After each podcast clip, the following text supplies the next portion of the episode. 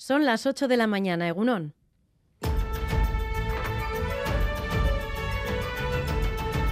Crónica de Euskadi con Irache Martínez.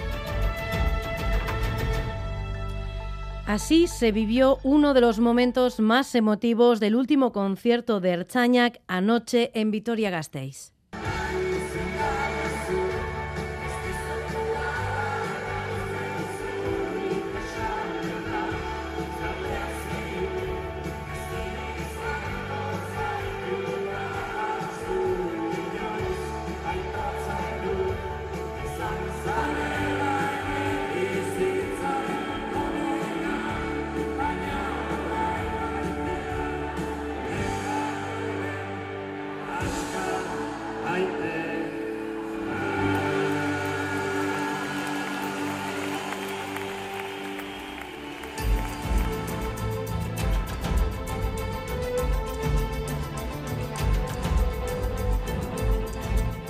Pero la noche no ha sido tan agradable para los 42 vecinos y vecinas de Pasay Ancho que ayer fueron desalojados tras reventar una viga maestra de la estructura de un edificio y que han pasado su primera noche fuera de sus casas. No podrán volver a sus hogares al menos en varios días. Algunos de ellos se han alojado en casas de familiares y amigos, salvo 13 personas que se encuentran en el Hotel Linchirin. Izaskun Gómez es la alcaldesa de Pasaya.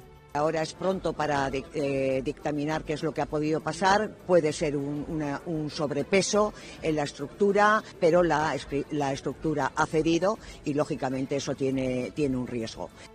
Esto aquí en casa, pero en clave internacional, Kevin McCarthy ha sido elegido presidente de la Cámara de Representantes de Estados Unidos en una dramática sesión nocturna. El líder de la mayoría republicana ha conseguido el puesto tras 15 votaciones y después de ceder a las exigencias del ala más radical de su partido. The gentleman from the great state of California and the next speaker of the 118th Congress, Kevin McCarthy. Y vamos a dar ya un repaso a la actualidad deportiva. John Zubieta, Egunon. Hola, Egunon, todavía con los ecos del enorme éxito del Alex Chicón en su ascenso invernal sin oxígeno al Manoslu. Recordamos que este mediodía se va a proceder al sorteo de los octavos de final de la Copa del Rey. Real Sociedad, Atlético, Osasuna y Alavés entran en el bombo en el que también figurará un equipo de la primera ref, como es el Ceuta. En la Liga F, el Alavés Gloriosas busca este mediodía un triunfo imprescindible ante el Valencia para salir de la zona baja de la tabla y la Real Sociedad se mide a la tarde al farolillo rojo de la Lama. Por lo que se refiere a la segunda división, el Alavés recibirá esta noche al Burgos con la intención de acercarse aún más al liderato con el calor de una afición que va a llenar Mendizorroza. En materia pelota sale, Urrutico Echea y Albisu se impusieron por 22-18 a Ezcurde y Vilcuña en el Astenena de Eibar y el Orde y Zabaleta a Peña y Morga Echeverría por 22-11 en la. Esta tarde se disputa el Jacaranguren ante el Pello Echeverría Rezusta en el Abrid y en gol destacamos que John Ram ha bajado a la sexta plaza en el torneo de Hawái que encabeza Moricagua y en el Rally Dakar al Atiyah está más cerca de lograr su quinto título tras el abandono de Peter Hansel y la mala jornada de Carlos Sainz, que ya no tiene opciones al triunfo.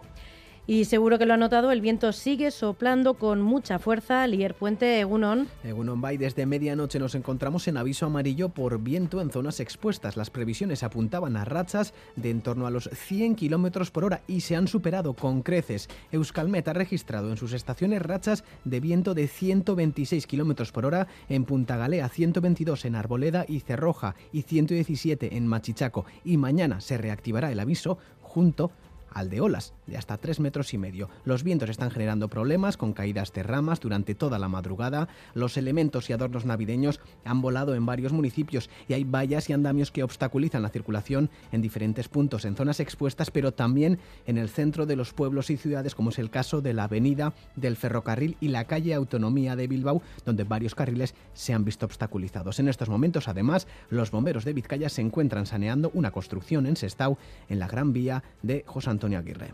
Un viento que además, Lier, está generando problemas en carreteras. Sí, debido al viento, la A8 se encuentra cortada a la altura de Baracaldo, sentido Bilbao, por el peligro de caída de uno de los paneles informativos. También afecta a la B 744 en Trapagarán. Obras públicas se encuentran en el lugar intentando asegurar este panel que finalmente desmontarán. El proceso puede durar en torno a una hora. Hasta entonces el tráfico está siendo desviado, señalizado por la Ertzaintza. Además, el funicular de la Reineta se encuentra fuera de servicio y se está realizando el trayecto mediante un autobús. Según Euskotren, se debe a causas ajenas a la compañía. Bueno, pues atentos y atentas a esos puntos a tener en cuenta.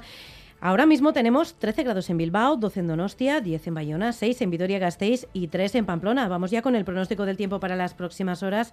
Euskalmet, Jaione Munarri, Segunon.